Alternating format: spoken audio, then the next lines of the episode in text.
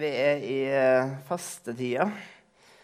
Og jeg tror kanskje at ikke Fastetida er kanskje ikke det vi er best på.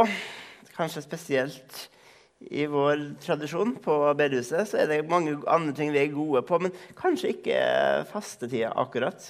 Fastetida er liksom tida i, kirkeåret vi tradisjonelt snakker om noen av de vanskelige temaene. Synd, omvendelse, fristelse, åndskrefter. Kampen som vi står i som kristne. Og I dag skal vi snakke litt om noen Eller et litt vanskelig kanskje tema. Hva skal vi tenke når Gud ikke oppfører seg sånn som vi mener han burde oppføre seg. Hvorfor? Hva skal jeg tenke om Gud når han ikke gjør det han burde gjøre? Når han ikke er sammen med oss på et vis i vanskelighetene, men når han ignorerer oss, eller når vi føler til at han kanskje kjemper imot oss, kan vi, kan vi ha lov til å føle det sånn? Er det lov til å tenke at nå opplever jeg det som at Gud ikke er på mitt lag. Vi skal lese fra Matteus, kapittel 15, vers 21-28. Så dro Jesus derfra altså Det var et eller annet Genesaretsjøen der. Eh, og tok veien til områdene omkring Tyros og Sidon. En kanoneisk kvinne fra disse traktene kom og ropte, 'Herre, du Davids sønn' ha barmhjertighet med meg. Datteren min blir hardt plaget av en ond ånd. Men han svarte henne ikke et ord. Disiplene kom da og ba ham bli ferdig med henne. Hun roper etter oss. Men han svarte, 'Jeg er ikke sendt til de andre enn de bortkomne sauene i Israels hus.' Da kom hun og kastet seg ned for ham og sa, 'Herre, hjelp meg.' Han svarte, 'Det er ikke rett å ta brødet fra barna og gi det til hundene.' 'Det er sant, herre', sa kvinnen. 'Men hundene spiser jo smulene som faller fra bordet hos eierne deres.' Da sa Jesus til henne, 'Kvinne, din tro er stor. Det skal bli som du vil.' Og datteren ble frisk fra samme stund. Når jeg leser Bibelen, så er det ofte jeg undrer meg, da. Jeg undrer meg f.eks. over hvordan så englekoret ut på Betlehemsmarka? Eller hvordan var det for Peter å gå ut av båten og gå på vannet? Hvordan, hvordan var det vannet sånn hvordan så det ut? Jeg undrer meg over det. Og Det er litt sånn positiv undring over ting som er litt rart, men som også er litt sånn fint. da. Men når jeg leser denne teksten, her, så undrer jeg meg også men en litt sånn annen type undring. En litt sånn trist undring, kanskje en sår undring. Jesus, hvorfor behandla du denne kvinna så dårlig? Iallfall syns jeg at han gjør det. Og det er tre, det er tre sånne observasjoner jeg gjør meg her. For det første så når hun kom med bønna si, så, så svarte han ikke med et ord. Jesus, hvorfor ignorerer du ei som ber? Og for det andre når, så sa han til disiplene Nei, men jeg er ikke kommet til noen andre enn de bortkomne sauene i Israels hus. Så akkurat som han gjør sånn kjempeforskjell fordi hun var en kanadisk kvinne, så akkurat som ikke han bryr seg om henne. Altså, Jesus, elsker du ikke alle mennesker like mye? Og når det først så kommer det da i, i prat, så syns jeg liksom nedlatende måte som jeg snakker på Det er akkurat som å sammenligne denne dama og hennes syke datter da, med som noen hunder som skal få brød. Altså, er ikke, er ikke liksom nedlatende måte å snakke på. Så hva i all verden, Jesus? Hva, hva, hva, er det her for noen ting? Og Jeg kjenner jeg blir trist. For den første reaksjonen jeg blir sånn provosert, kanskje. Hva i all verden? Hvorfor Hvorfor gjør du det her? Jeg kjenner meg provosert. for Av alle av alle personer så burde jo Jesus holde seg for god for å gjøre noe sånt. Det passer jo ikke helt inn sånn som Gud skal være. Gud skal ikke være sånn. Han skal svare på våre bønner. Han skal ikke gjøre forskjell på folk. Man skal ikke snakke liksom, nedlatende om noen. Sånn skal det ikke være. Og så kjenner jeg meg litt sånn trist, da, fordi at det er noe her som treffer meg et eller annet personlig sted med noen opplevelser kanskje jeg har hatt, eller følelser jeg har hatt, som jeg kan kjenne meg igjen i. Jeg har opplevd å ha bedt til Jesus. Så virker det som han svarer meg ikke med et ord. Og så har jeg opplevd noen ganger at det virker for meg som at Jesus han bryr seg om alle andre mye mer enn meg. Akkurat som om å komme til de, men så står jeg her, da. Så virker det i hvert fall har det virka som om han ikke bryr seg om den. At han avviser meg nesten. Og I dag har jeg lyst til å snakke først og fremst til dere som kan kjenne dere igjen i noen av disse følelsene eller opplevelsene. Kanskje noen av dere som er i en sånn storm nå, der dere kjenner Gud. Er du der? Hører du bønna mi? Bryr du deg om meg?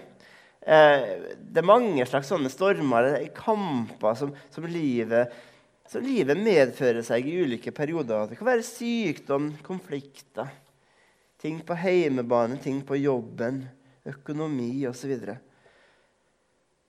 så kan det være at når vi har det som vanskeligst der burde jo Jesus komme, være og trøste oss og svare på bønnen. Så burde vi kjenne på fred. Så burde alt være godt midt i det vanskelige. Men så plutselig så er vi i en sånn kamp der vi ikke kjenner på det sånn. Han burde ha vært der, men det føles som han er borte på et vis.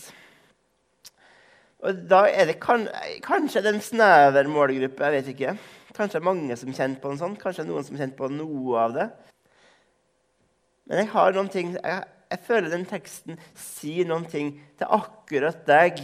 Til akkurat deg som har kjent på, eller kjenner på noe av det her, så tror jeg at denne teksten har noen ting som har lyst til å, um, til å, å si til deg og til meg. Um, til oss. For det første så kan det være ut fra den teksten, Vi må utvide kanskje litt vårt bilde av Gud. Dere kjenner til kanskje det som kalles for lidelsens problem. Hvordan kan en kjærlig Gud tillate så mye lidelse? Gud burde jo fjerne all lidelse fra oss hvis han elsker oss. Han burde fjerne alle ubehagelighetene fra livene våre. Både sånn ytre sykdom og sånn, og det indre med tvil og usikkerhet og angst og depresjoner. Gud burde jo ikke gjøre det hvis han elsker oss. Burde han, burde han tillate det? da? Kan en kjærlig Gud tillate det? Jeg har lært i barnesanger at Gud alltid passer på meg. Gud alltid vil at jeg skal ha det bra og ha det greit. Det har jeg jo lært. Altså, er av og til at livet gir meg noen erfaringer der jeg begynner å lure. Stemmer det helt? Og I denne teksten er det to ting som Gud faktisk, eller Jesus tillater i hvert fall for en periode. Han tillater, han tillater et, Jeg vet ikke hvor gammelt den jenta er, men at et barn er plaga av en ond ånd. Det er ikke det første han gjør, å, å, å fikse det. Han lar det, han lar det få være sånn for en periode, i hvert fall. Ikke helt rart? Han tillater ei dame, kanonisk kvinne, at hun kan føle seg avvist av Gud, av Jesus. At hun får oppleve at Gud ikke svarer på hennes bønner. At hennes rop om hjelp blir bøtt med stillhet. Han tillater det. Han tillater kanskje tvilen å komme. Han tillater å leve for en liten periode med usikkerhet. Ser Gud meg? Um, så er kanskje Gud ikke så enkel å putte i en liten boks der sånn er det, Gud. Jeg har skjønt deg. Du er akkurat sånn som i barnesangene. Du bare vil at du skal ha det bra. That's it. Ferdig snakka. Punktum. Vi kan gå hjem. Det er ikke mer å si om Gud. Um, jeg tror at ingen av oss som kan si at 'jeg har forstått Gud', 'nå har jeg grepet akkurat alt om Gud', 'jeg har det store bildet'. Fordi at Bibelen tegner et bilde av en Gud som definitivt elsker oss, men som samtidig kan tillate at vi går gjennom vanskelige perioder. Bibelen tegner et bilde av en Gud som tillater at det kan skje. Israelsfolket i 40 år i ørken Gud tillot det, ikke bare tillot det, han, han leda det inn i det. Ja, men burde ikke Gud la de skynde de gjennom ørkenen og la det få komme i det, i det lovede land der alt er godt? Nei, han tillot de å være 40 år i ødemarken. Jobb, som mista alt og ble full av sykdom og mista både familie og, og alt han eide. Gud tillot det.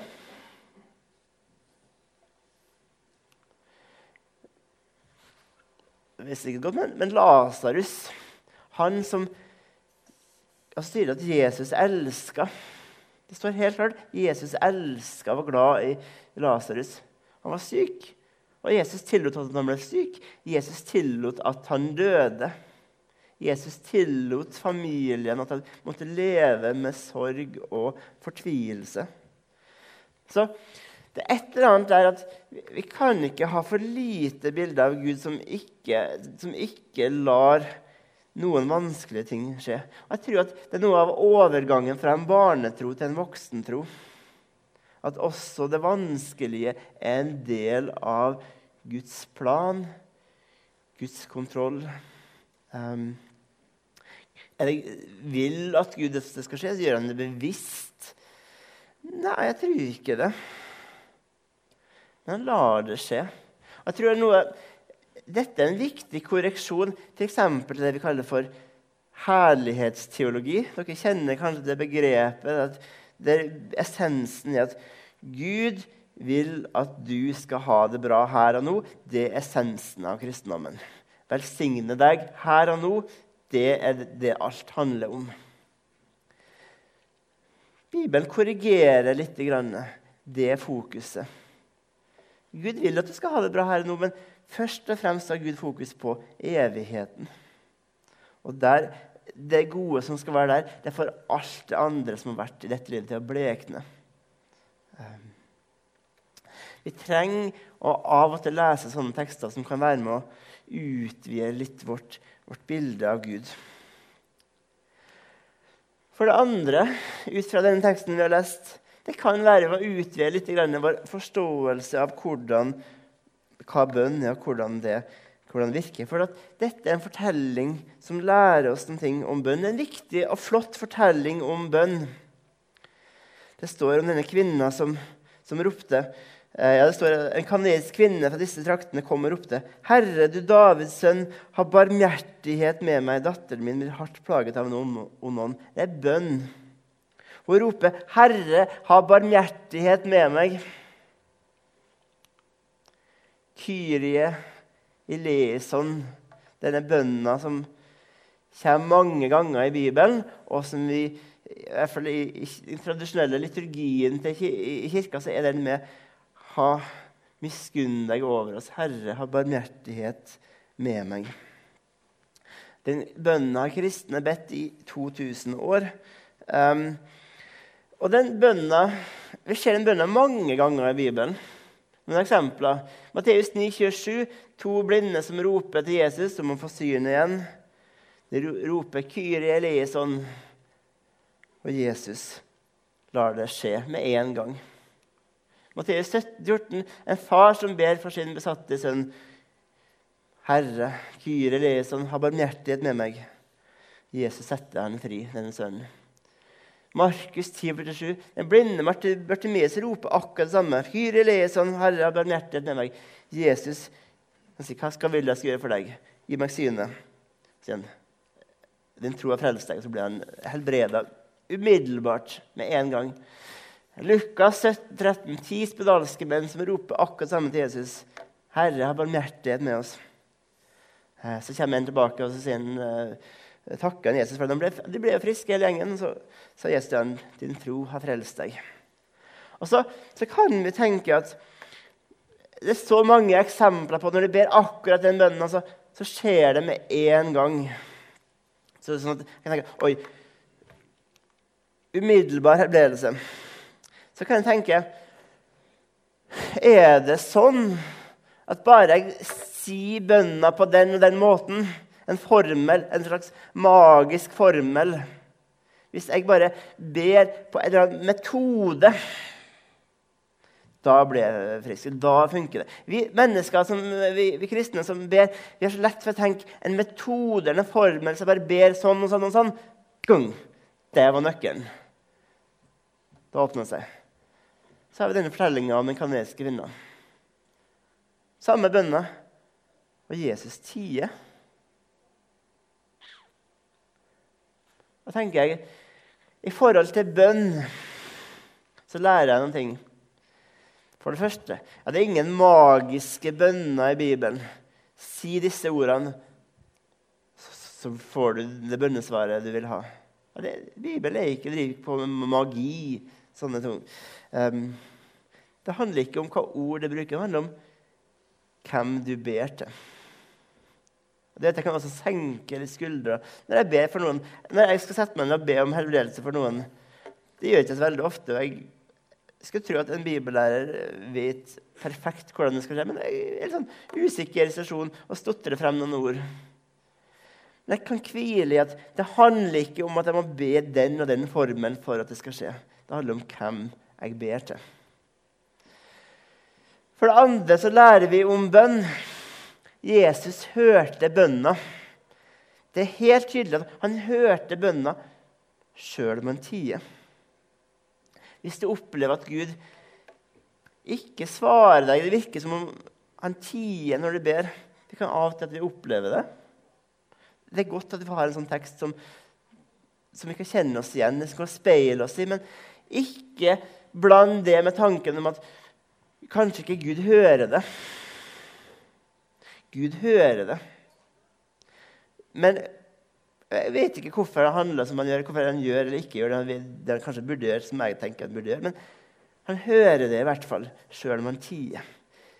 Det er et løfte til deg som, som kjenner kanskje på noe i disse dager at Gud tier mye for tida. Jeg vet ikke hvorfor, men jeg vet han hører din bønn. Og for tredje så er dette her en tekst som Og det viktigste den, den utfordrer oss, formaner oss til å holde ut. Hun ba først Miskunn deg over meg. Jeg har en datter som er hardt plaget av ånden. Hun fortsatte, var utholdende, hun ga ikke opp.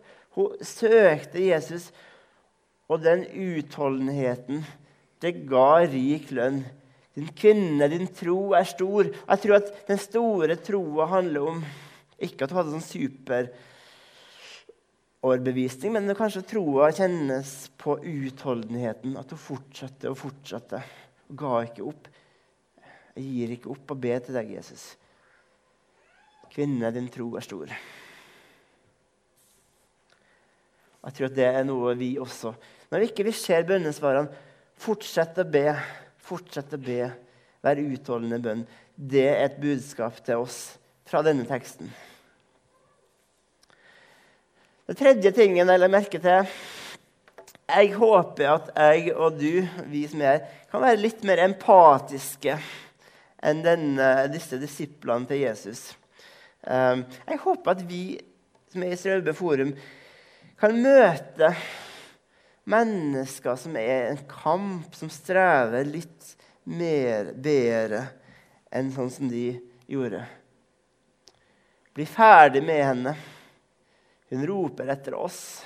Når ikke, kanskje det virker som når ikke Jesus svarte, så begynte hun å gå til disiplene. Du, Få mesteren deres til å, til å hjelpe meg. Så var det som om Åh, åh denne kvinna. Et hår i suppa til disiplene.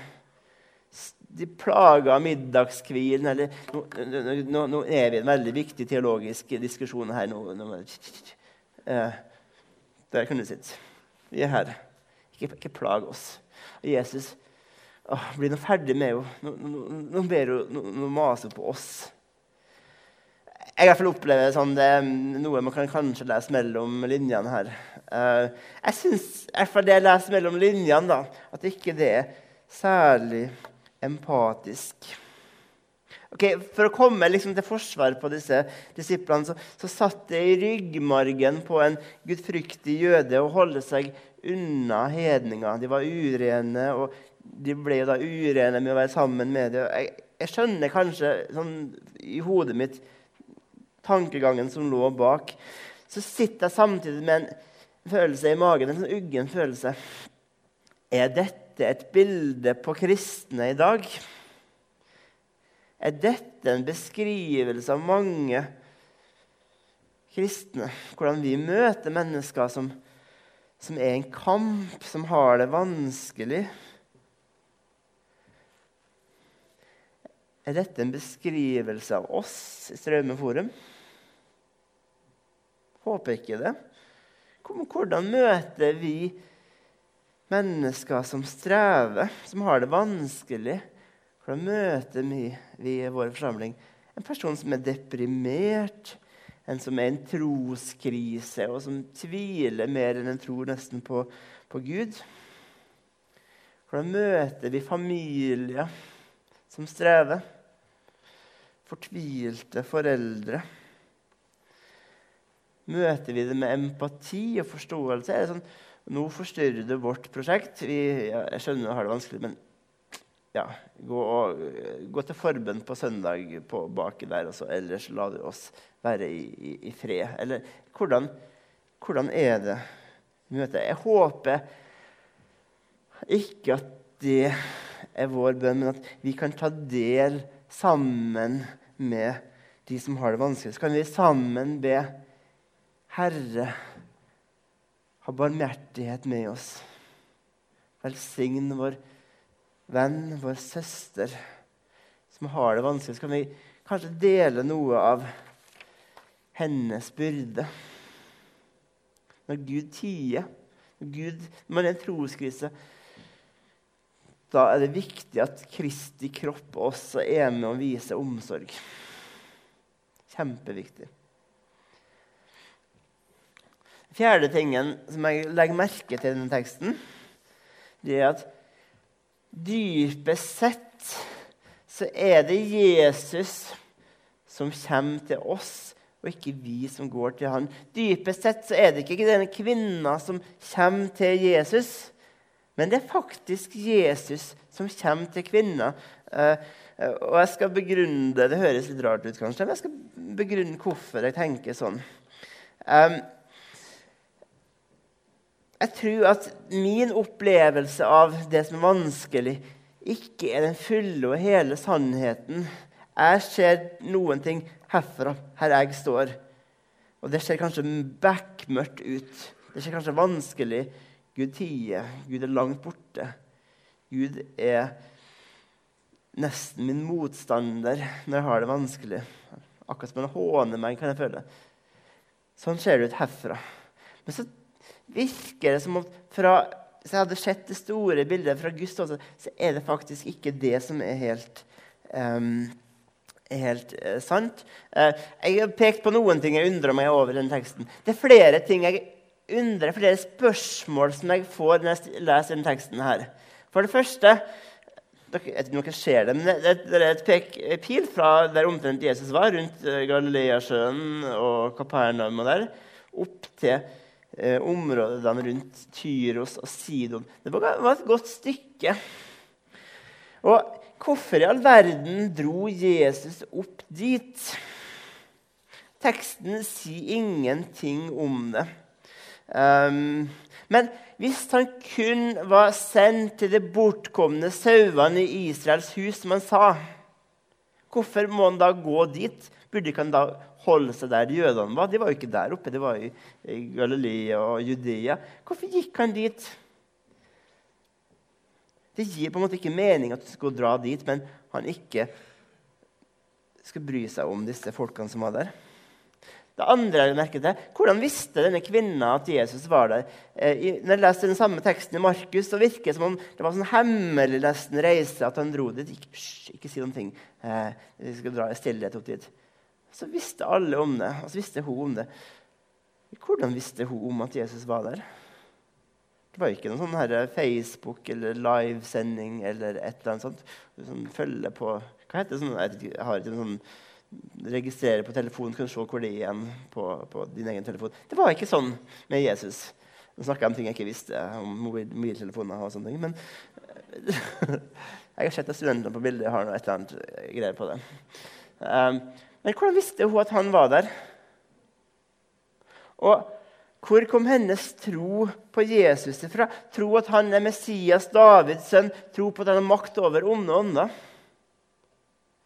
Teksten sier ingenting. Eh, og for at menneskelig ståsted virker det som om hun kom springende til Jesus og ropte og kasta seg etter han. Men jeg tror faktisk at det store bildet er egentlig at Jesus kom til henne. Han dro langt. Jeg, tror, jeg er så enkel. Jeg tror at Jesus dro dit for å møte henne. Jeg tror at hun var grunnen til at han dro så langt for å møte henne for å møte dattera for å røre med deres liv. Jeg tror at det var Den hellige ånd som leda henne til Jesus. Jeg tror at Den hellige ånd som skapa troa på Jesus. Jeg tror at det er Gud som har virka i kulissene og dratt henne til Jesus. Og jeg tror at det er noe som er viktig å ta med seg. Eh, det var ikke hun som oppsøkte og masa på han. Jeg tror det var han som oppsøkte og dro til henne. Um, rett og slett. Det er ikke vi som ser Jesus først, det er han som ser oss først. Det er ikke jeg som skal klamre meg fast i troen på Jesus. Det er han som holder fast i meg. Sjøl om jeg ikke opplever sånn, så tror jeg at det er det som er den dypeste sannheten. Så når du, du, som er i, eller har vært, eller kommer i en troskrise, og det virker som om Gud bare holder seg langt borte fra deg, så er sannheten litt annerledes. Gud er ikke langt borte. Gud er nær deg. Gud er å virke. Selv om ikke vi ser han, selv om ikke du ser han, så er han der så kan vi oppleve tillate fremdeles Gud vanskelige ting å skje, men han er der og ser oss. Eh, og den siste tingen, eh, siste tingen jeg vil dele med dere her fra denne fortellinga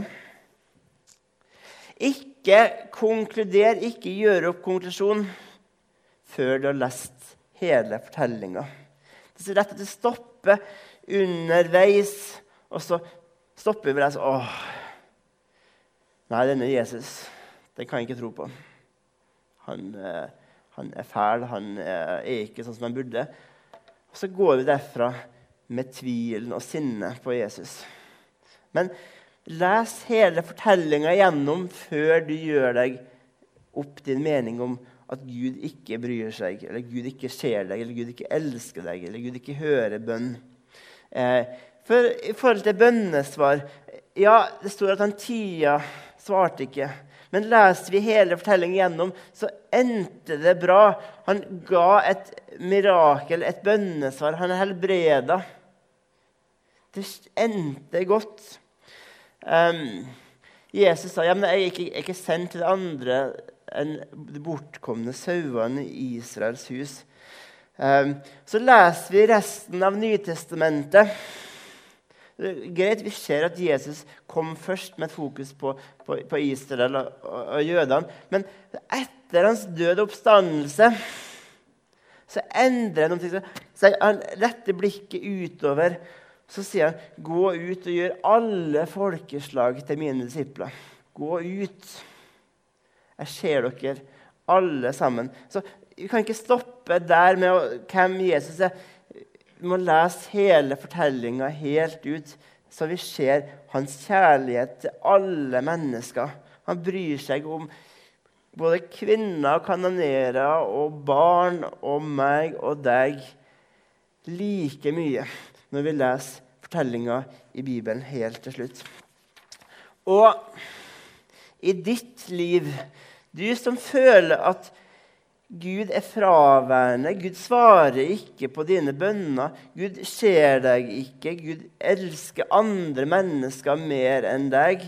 Gud lar verre ting skje med deg enn med andre, eller et eller annet sånn. Vi kan kjenne på mange forskjellige ting. Okay? Ikke gjør deg opp konklusjonen før du har lest eller sett fortellinga om ditt eget liv helt til slutt. Fordi at fortellinga om ditt liv er ikke helt ferdigskrevet. Det er mer som skal skje. Gud kan gjøre mye i dag og i morgen, om et år, om fem år, om ti år. Og Gud gjør mye også i fortellinga om ditt liv i evigheten. Så, så, vent litt med å gjøre opp konklusjonen om at, at, Gud ikke ser deg eller bryr seg eller svarer på dine bønner. eller et eller annet sånt.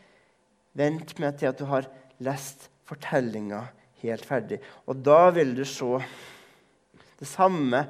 Det, det ender bra, for det forteller Bibelen også om. Alt tjente til det gode for den som elsker Herren. Herren er trofast. Herren bryr seg. Da ville du se barnesangene Jo, det stemte faktisk. Det var kanskje litt for enkelt, men jo, han passa på meg. Han var god. Han ville at jeg skal ha det bra. Han forlot meg ikke. Gud hadde full kontroll hele veien. Det er også noe vi kan lære fra denne fortellinga. Himmelske Far, takk for at vi kan få lese i ditt ord, Herre. Vi kan få se i ditt ord. Vi kan speile våre liv, våre opplevelser, våre følelser, både det gode og det vanskelige, i det som står i ditt ord. Og vi kan se at du har full kontroll. Du er der. Du lar ting skje, Herre, og du må, må du også møte oss og helbrede oss og hjelpe oss sånn som du hjalp denne kanadiske kvinnen. Hjelp oss til å være utholdende, Herre, i bønn. Hjelp oss til å møte og bære hverandre en god del bedre enn det disiplene møtte denne kvinnen. Og hjelp oss til å leve i tro sjøl om vi ikke ser alt, men at tro at ditt ord er sant, og det som står der, det er rett, Herre. Velsign alle oss som er her i våre situasjoner, i våre liv, i våre oppturer og nedturer, Herre. Og la oss få se til slutt at når fortellinga vår er ferdigskrevet, så ser jeg at du var med. Det ber vi om i Jesu navn. Amen.